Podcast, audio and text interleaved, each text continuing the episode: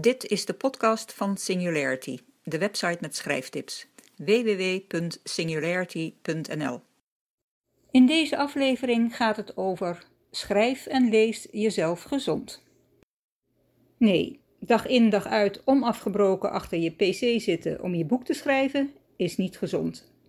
Zorg er dus voor dat je dat regelmatig afwisselt met hardlopen of wandelen of andere lichaamsbeweging en bedenk al lopende mooie twists en ontwikkelingen voor in je boek. Maar schrijven op zich, of je dat nou doet op je pc of met pen en papier, is wel goed voor je gezondheid, heeft wetenschappelijk onderzoek en ervaring uitgewezen. Met name creatief schrijven, zoals het schrijven van een boek. Zelfs als je het schrijven beperkt tot een paar minuten per dag. Dat is niet zo goed voor je boek natuurlijk. Het klinkt wellicht wat tegenstrijdig, maar het schrijven over zware emotionele zaken, ook als die negatief zijn, verlies van een dierbare, verkrachting, ziekte, heeft een positief effect op je lichamelijke gezondheid, ook als het over je eigen traumatische ervaring is. Soms gaat er wel even een dip aan vooraf. Welke gezondheidseffecten er zijn?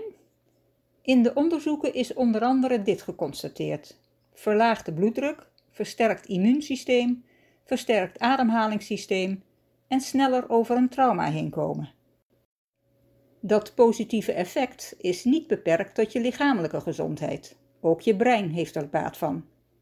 Depressie, angst, onrust en stress worden vaak minder of verdwijnen zelfs, met name als je over je eigen onaangename ervaringen schrijft. Negatieve gedachten en gevoelens laat je niet meer in je hoofd hangen, maar zet je resoluut buiten de deur. Je schrijft ze letterlijk van je af. Ook buiten de psyche, maar nog steeds in je hoofd, zijn er voordelen. Met schrijven train je je communicatie en cognitieve vaardigheden, je kunt je beter concentreren, je ontwikkelt een hogere geheugencapaciteit en je wordt creatiever. Je wordt er zelfs empathischer van. Als je niet continu aan je boek schrijft, maar toch de voordelen van schrijven wil, kun je een dagboek bijhouden en profiteren van het zogeheten Bridget Jones effect. Onderzoekers hebben geconstateerd dat het hersenonderdeel dat emoties regelt, de amygdala, bij dagboekenschrijvers een stuk rustiger werd. Daarnaast kreeg de prefrontale cortex, dat neurale activiteit naar sterke emoties dempt, het een stuk drukker met als gevolg algehele emotiekanten.